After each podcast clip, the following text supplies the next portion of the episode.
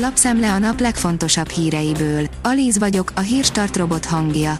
Ma február 4-e, Ráhel és Csenge névnapja van. A 24.hu írja, Orbán Viktort hiába kérdezték a tanárok béréről.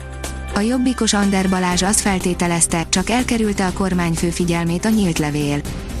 A 444.hu írja, Putyin focikapunyi asztala valahogy eltűnt, amikor nem Orbánnal találkozott. Valahogy oldottabbak a távolságtartási szabályok, amikor nem a magyar miniszterelnökkel tárgyal.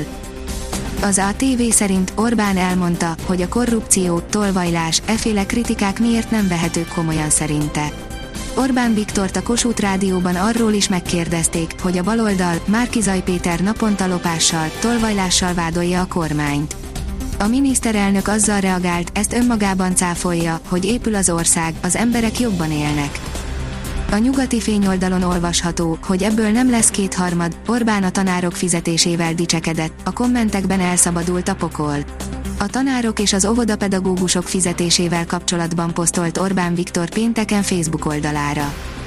Sokféle daganat krónikus betegséggé szelidíthető hamarosan mondja a szakértő, írja a növekedés. A legtöbb rákbetegség 2050-re már nem lesz halálos kór az információtechnológia és az élettudományok eredményeinek együttes felhasználásával születő új megoldásoknak köszönhetően, állítják a szakértők, akik szerint a digitalizáció az egészségügyben is új korszakot nyit. Kibukott a Pfizer és a nagy gyógyszergyártók piszkos trükkje, írja a napi.hu. A koronavírus járvány megmutatta, hogy nagyon gyorsan tudnak haladni a kutatásokkal a gyógyszercégek, ha nagy a nyomás. De miért maradt el eddig az innováció? Mert a gyógyszergyártók többet költenek tőzsdei műveletekre, mint kutatásra. A Force szerint új fejlemények korábban érkezik az SZIA visszatérítés.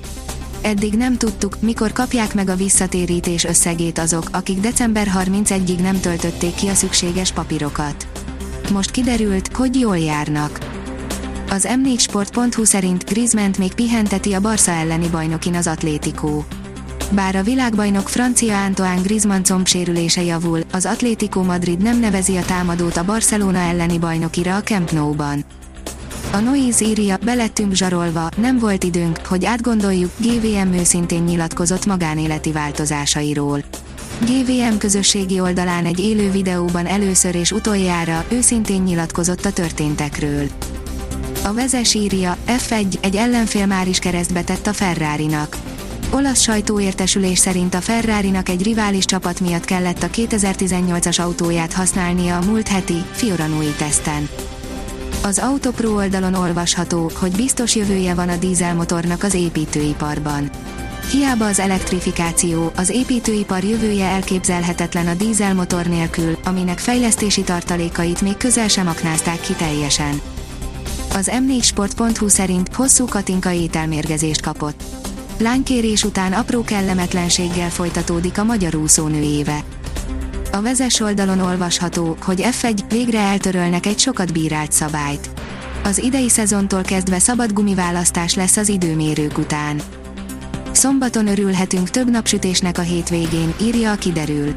Az éjjel érkező hideg frontot követően hazánk legnagyobb részén több órára kisüt a nap szombaton, erős lesz azonban a szél. Vasárnap egy frontrendszer felhőzetének köszönhetően egyre nagyobb területen beborul az ég. A Hírstart friss lapszemléjét hallotta. Ha még több hírt szeretne hallani, kérjük, látogassa meg a podcast.hírstart.hu oldalunkat, vagy keressen minket a Spotify csatornánkon. Az elhangzott hírek teljes terjedelemben elérhetőek weboldalunkon is. Ha weboldalunkon hallgat minket, az egyel korábbi adás lejátszása automatikusan elindul. Beállíthatja, hogy az összes korábbi adás, vagy csak az aktuális tematika hírei következzenek. Köszönjük, hogy minket hallgatott!